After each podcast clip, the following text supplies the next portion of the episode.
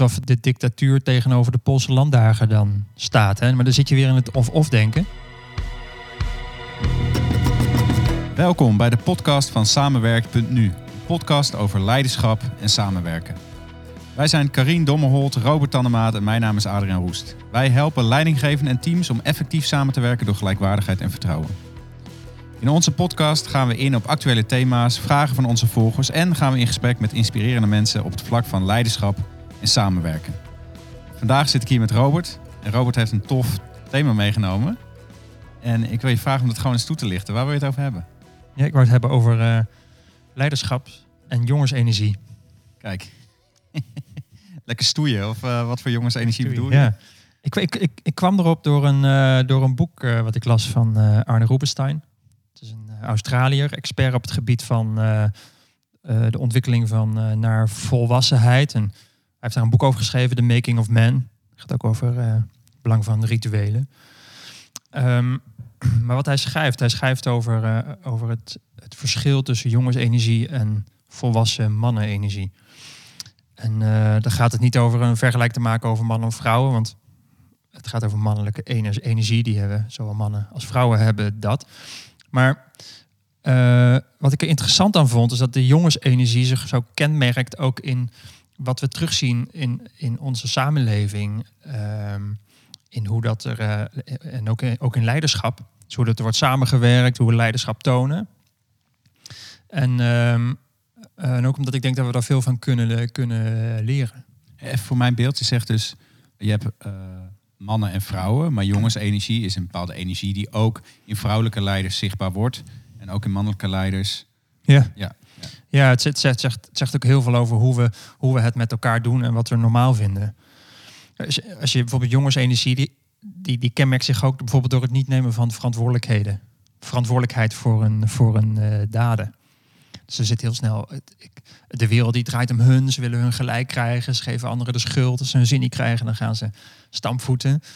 Nou, dat, dat zien wij uitvergroot, zeg maar. Op, op wereldniveau zien we dan als mensen hun zin niet krijgen, dan gaan ze oorlog voeren. Ja, ja, ja. ja. En uh, ze, zijn, zijn leiders niet aanspreekbaar op hun gedrag, want dan gaan ze, dan gaan ze de tegenaanval in. Dus zie je wat in het politieke debat zie je het ook heel erg veel. Dat men, het gaat over hun gelijk krijgen. Ja. Het gaat over, over overwinnen, overwinnen van de ander. Ja, ja, ja.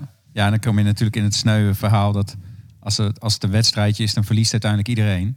Ja. Want dan kun je op je standpunt wel winnen, maar dan ja, dan zit je in een wedstrijd en die wedstrijd blijft dan wel. Ja. En heb je ja. in een relatie heb je wat verloren, ja. Ja, ja. Ja. Dat is ook wat we vaak zeggen. Dus, dus dan kom je in de of-of terecht en niet in de niet in de en-en, waar je allebei je plek in kan Ja. nemen. Maar kun je dat duiden? Zou je dat kunnen duiden? Of ik weet niet wat die eh, Rubenstein erover schrijft. Waar komt dat vandaan? Waar, waarom doen we dat? Ja. Nou, wat, wat, wat hij erover schrijft, is het wel in zijn boek. eh, Dat gaat ook over overgangsrituelen. Die, eh, die je vroeger in de traditionele eh, gemeenschappen nog, eh, nog wel had. Hè. Dat, dat, dat, in- dit geval over jongens heb je, heb je, heb je het dan dat die wel echt de, de, overgang maken naar volwassen mannelijkheid. En, ehm, en dat we die rituelen zijn kwijtgeraakt in onze, in onze maatschappij, in onze manier van samenleven. Dat, we, dat, dat iedereen die, die kan wel opgroeien en die kan wel een grote man worden. Die kan wel een leiderschapsrol krijgen of een bedrijf aansturen. Maar of die echt ook die overgang heeft gemaakt van binnen, zeg maar. Dat is dan nog vaak maar de eh, vraag. Omdat we dat ergens, ergens zijn we dat met z'n allen kwijtgeraakt. En ehm, er is door, door alle oorlogen die gevoerd zijn worden, is er ook een soort angst ontstaan voor, voor, voor mannelijkheid. Dus of dat zou bedreigend zijn en of, dat, of je daar voor, voor op moet passen. Dus het is een heel erg beladen thema. Terwijl in de, de, de, de, de culturen waarin wel die overgangsrituelen waren, en hij heeft daar onderzoek naar, gedaan, zie je dat, dat, dat jongens, zeg maar, in de leeftijd van, van wat we nu als de puberteit kennen, en, en als die ook voorbeelden hebben over gezond mannelijkheid, zie je ze wel naar een positie komen waarin ze, en, dat is dan wat, wat de gezondelijke man de ene, ene, energie is, dat ze gaan begrijpen dat de ware kracht ligt in samenwerking. En in de verbinding maken. En in verantwoordelijkheid nemen voor daden. En van daaruit vooruitstappen. Je zegt dus eigenlijk, wij, wij moeten... Nee, wij moeten. Daar zitten we in moeten. Maar eigenlijk missen we als jongens in onze tienertijd dat we meegenomen worden door volwassenen die ons laten zien van zo ben je een man. Ja. Ja. ja. En de voorbeelden die je nu, natuurlijk uitzonderingen daar, daar gelaten, maar de voorbeelden die je ziet op tv, in CIO, CEO's van grote bedrijven. Het gaat allemaal over nog groter. Het gaat heel erg over ego. Het gaat heel erg over winnen op de ander. Uh, het gaat over concurrentie. De ene is beter dan de ander. Je moet ook beter zijn, want dan slaag je. En dat doet iets. Dat doet iets dat we zeg maar niet komen tot, die, tot het leiderschap waar we denk ik op zitten te wachten. Over leiderschap. Dat wel die verbinding kan maken. Die in, die in bijvoorbeeld wel een gezonde grens ook kan trekken of ergens voor kan staan. Maar zonder dat dat moet leiden tot een, tot een dreiging of een oorlog of tot, een, tot de ander tot, tot vijand maken. Ja, ja. Kijk, jij uh, hebt in, uh, in een eerdere podcast ook wel gehad over, uh, over het hiërarchische harkje ja. en de industriële revolutie en zo. Heb je ook de indruk dat, dat het misschien in een andere tijd, in een andere cultuur, misschien wel veel meer een, een, soort stijl was die misschien wel nodig was of zo? Of, um, en ik, nou, twee vragen in één eigenlijk. Ik heb ook wel de indruk dat bedrijven soms heel hard kunnen groeien. Als daar gewoon zo iemand op staat die gewoon uh, weet hoe hij zijn wedstrijdjes moet winnen. Ja. Het is een beetje het dubbele van Trump bijvoorbeeld. Hè, die dat ook wel een beetje heel erg misschien had. of heeft. Hij heeft ontzettend veel bereikt. Ook door juist dat, dat voortdurend dat jongens-energie-element ja. toch ja. wel. Ik denk dat je er veel kan bereiken. ook omdat... Uh dat het ook in onze maatschappij, zeg maar, de hele economie is, is, is natuurlijk gebaseerd op concurrentiedenken.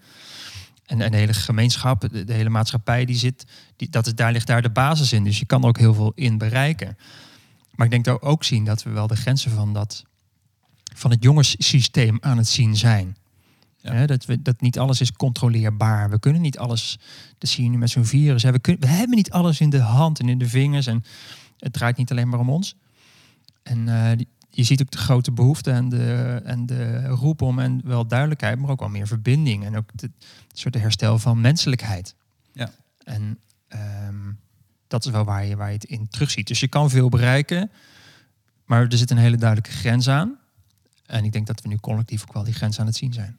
Ja, en ik, heb, ik denk dat hij er ook wel mee te maken heeft. De indruk dat uh, autoriteit Vroeger luisterde je gewoon naar de baas. Dat was ook een soort cultuurding of zo. Ja. ja, vroeger, dat is denk ik de generatie voor ons. En misschien wij ook nog wel. Ik, ik ben ook nog wel opgegroeid van je moet gewoon luisteren naar je ouders en uh, om daarom. En ik heb wel de indruk, en uh, dat zien we bij onze kinderen ook gebeuren, maar ook in organisaties, dat mensen mondiger worden en dat we er niet meer mee komen. Ja. Ik denk dat het eerder toch meer geaccepteerd werd dat een baas gewoon commandeerde en wedstrijdjes aan het winnen of verliezen was en dat wij maar mee moesten met de baas. Uh, heb je die indruk ook? Ja. Dat dat ook wel meespeelt? Ja, ja het systeem van macht over. Hè, wat, wat, we komen natuurlijk nu uit de industriële revolutie komen we. En daar, daar, was, dat, daar, daar zit dat harkje zit daarin, hè, van bovenaf. En dat is allemaal ten dienste van ergens boven in het grotere systeem. Dat dat niet meer, niet meer werkt.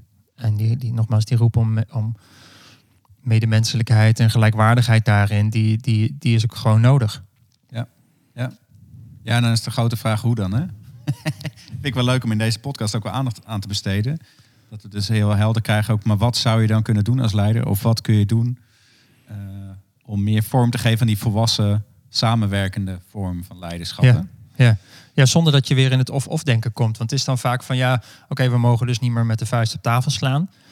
Dus moeten dan maar alles met z'n allen doen. Hè? Het is alsof, het, alsof de dictatuur tegenover de Poolse landdagen dan staat. Hè? Maar dan zit je weer in het of-of denken. Ja. Terwijl de kracht er denk ik in ligt dat je uh, gaat kijken. En ook, ook leiders, zeg maar. Of dat kunnen ook informele leiders zijn of teamleiders. Maar mensen die zich daartoe aangesproken voelen. Kunnen ontdekken of ze die en-en in zichzelf kunnen vinden. Dat er en verbinding is. En duidelijkheid. Uh, dat is natuurlijk wat wij ook met, met ons, ons werk ook brengen in, in organisaties. We brengen structuren. Uh, structuren, dat is duidelijkheid, er zitten grenzen aan, er zitten kaders aan. En tegelijkertijd die structuur, die is dusdanig dat die verbinding schept, dat die gelijkwaardigheid borgt, dat die vertrouwen, dat zijn meer de, noem het even, de vrouwelijke aspecten. Ja. En volgens mij gaat het juist het samenbrengen van die twee kanten, daar, daar gaat het zo om. Ja. Maar dan moeten we eerst wel uh, terugkomend op het thema hier, die, die jongensenergie, het gelijk willen krijgen, uh, geen verantwoordelijkheid dragen of willen dragen als het spannend wordt of alleen maar je eigen koers willen volgen, ja, die moeten we wel durven loslaten. Ja, ja. Ja, en de grap is natuurlijk die eh, perceptie, hoe je kijkt naar eh, tegengestelde meningen, of hoe je kijkt naar concurrentie, of hoe je kijkt naar verschillen. Als je er naar kijkt als een wedstrijd, dan ga je waarschijnlijk ook acteren als een wedstrijd. Kan me voorstellen dat dat juist dat jongens, eh, ik doe het op mijn manier en anders dan stik je er maar in bij wijze van spreken, dat dat het alleen maar voedt. En ik, ik denk dat die, die, die mindset, maar goed, die kwam ook wel eerder langs in de podcast. We zijn er maar net begonnen, maar ik heb nu al een soort zorg dat er alle podcasts allerlei herhalingen krijgen. En zo. dat is de kracht van herhaling dan, hè? Ja, ja, ja. Maar dat is ook een zijde van, oh ja, als je dus voelt van ergens die strijd, van voelt van, oh, nu moet ik gaan strijden ergens voor, want dit mag niet gebeuren. Om dan eens te kijken naar de situatie en te denken, maar stel je voor dat het allebei waar is. ja. Of stel je voor dat die ander gelijk heeft en dat ik gelijk heb. En dat we niet hoeven te winnen van elkaar. Maar dat als we gaan luisteren naar elkaar, dat we elkaar gaan begrijpen. En dat we dan wel een vorm vinden die voor iedereen goed is. ja. Dat dat toch Ja. een andere bril is. ja. Oh, je schiet nu in, eh, in een soort verdediging of aanval. Heb je het idee dat het over strijd gaat? Ja, ja. Nee, nee maar dat, is, dat, dat lijkt mij zo. Maar het gaat niet over strijd. Ja. En daarom is denk ik, en dat kan ook wel een handvat zijn hoor, voor mensen die zeggen, "Ah, daar wil ik wel wat mee, maar hoe dan? Dat je wel gaat kijken van in het clubje waarin je werkt, of dat nou je team is, of je voetbalvereniging, of weet ik veel wat. Heb je duidelijkheid met, met elkaar over waarvoor je het doet? Heb je, heb je met elkaar echt letterlijk afgesproken van, maar dit is het, dit, dit hogere doel. Dit is waarvoor wij hier nu aan tafel zitten.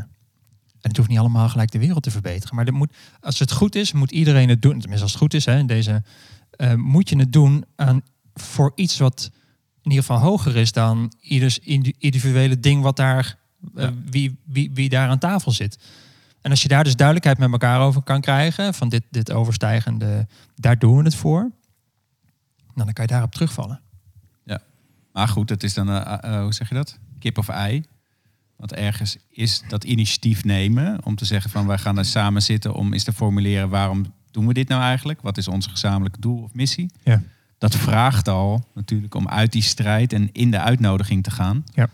Eh, nou ja, dat is dan ergens moet iemand de eerste stap zetten. Ja, ja, Dat is dan de uitdaging, hè? ja. Plek te komen. Ja, ja, ja, ja, ja, je hebt er, soms, soms heb je ook daar geen keuze in. Soms word je gewoon gedwongen door het conflict wat er, wat er dan gaat ontstaan of al ligt, om daar een eh, stap in te zetten. Ja, en wat het gave is natuurlijk.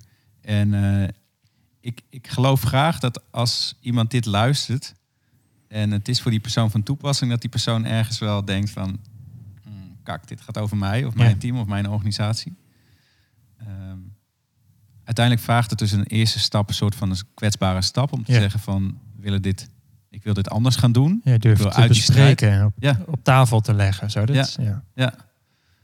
Eh, en uiteindelijk is het gave ervan, maar dat is een beetje makkelijk praten aan de voorkant natuurlijk, is dat juist door die lastige thema's aan te gaan, eh, juist door lastige situaties worden juist mooie nieuwe vormen gevonden. Mhm.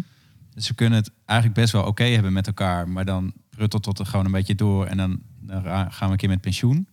Of we kunnen knetteren met elkaar, maar als we er dan samen uitkomen, dan wordt het er ook echt beter van. ja. Het is een soort, eh, en die weten we in theorie ook wel, maar het is een soort, toch een soort aanmoediging. Als je het lastig vindt om het aan te gaan, om te bedenken van ja, maar uiteindelijk wordt het er echt beter van. En eh, niet in het minst voor jezelf, denk ik. Hè? Want het is best wel een interessante gedag, vraag natuurlijk van wat doet het met mensen om voortdurend in die jongensenergie te blijven hangen?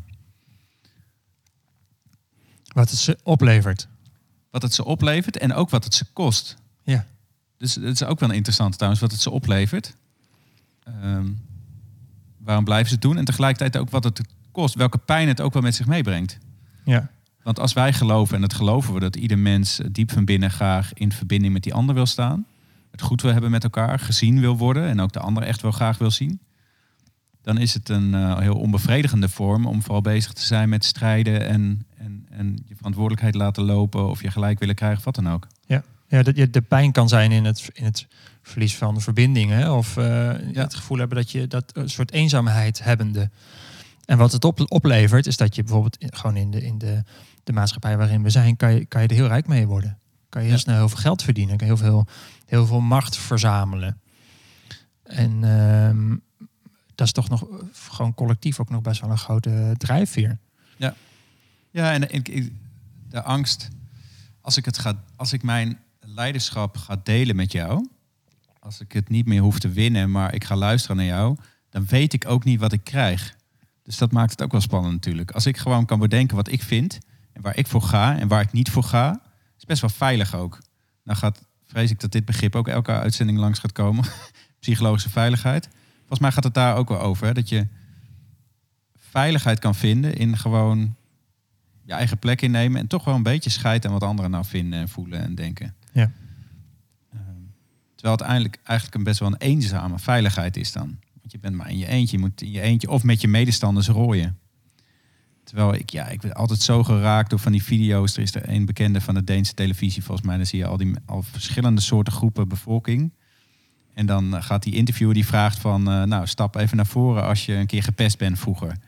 Of eh, als je van de week met je partner naar bed bent geweest, of weet ik veel wat. En dan zie je telkens uit al die verschillende groepen zie je Ja, ja, mensen ja. naar voren stappen. Dus komt die gedeelde menselijkheid. Die Ja, en dat is zo ontroerend altijd. Omdat, omdat die mensen, en als ik het kijk, ook wel voel van... oh ja, zo is het bedoeld, weet je. Dat we het goed hebben met elkaar.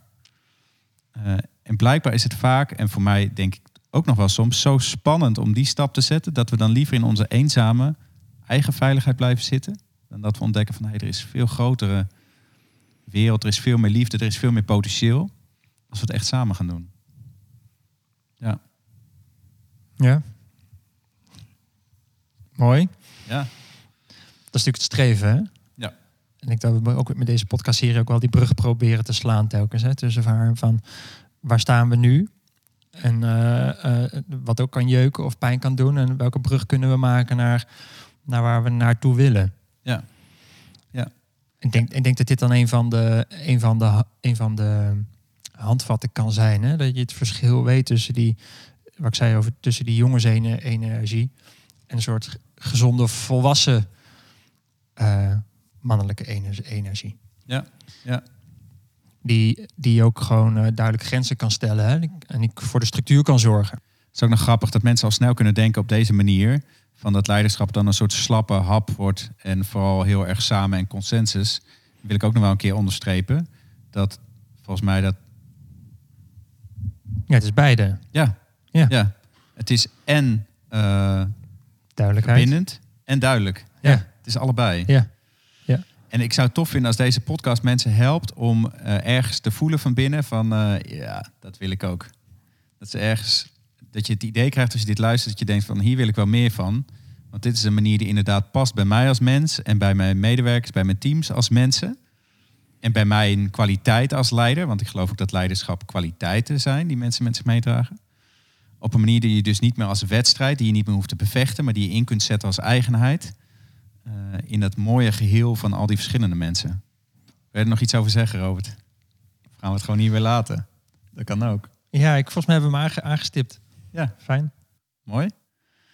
Bedankt dat je luistert naar de podcast. Ik ben heel benieuwd. Wij zijn heel benieuwd wat je ervan vindt. Of het je geïnspireerd heeft. Of je ergens voelt van... eh, ja, ja, ik herken die jongensenergie in mij. Ook als je een vrouw bent die dit luistert. Ik herken dat wedstrijd. Of ik herken dat soms mijn verantwoordelijkheid aan me laten. Of ik her- herken dat mijn eigen zin door willen drijven. En ik hoop dat je ook ergens voelt van... ja, maar ik verlang ook om dat echt samen te doen met die anderen. Om dat in verbinding te doen. En we hopen je daartoe te inspireren. En vond je het waardevol, dan zouden we het heel erg waarderen... als je het zou willen delen met anderen. Door bijvoorbeeld een screenshot van je telefoon te maken, te delen op social media en ons erin te taggen. En wat we nog toffer zouden vinden is als je een review achter wil laten in de podcast-app. Zo kan de podcast nog beter gevonden worden door nieuwe luisteraars. Wil je geen aflevering meer missen? Abonneer je dan. Meer informatie over ons en ons aanbod kun je vinden op samenwerk.nu. Tot een volgende keer.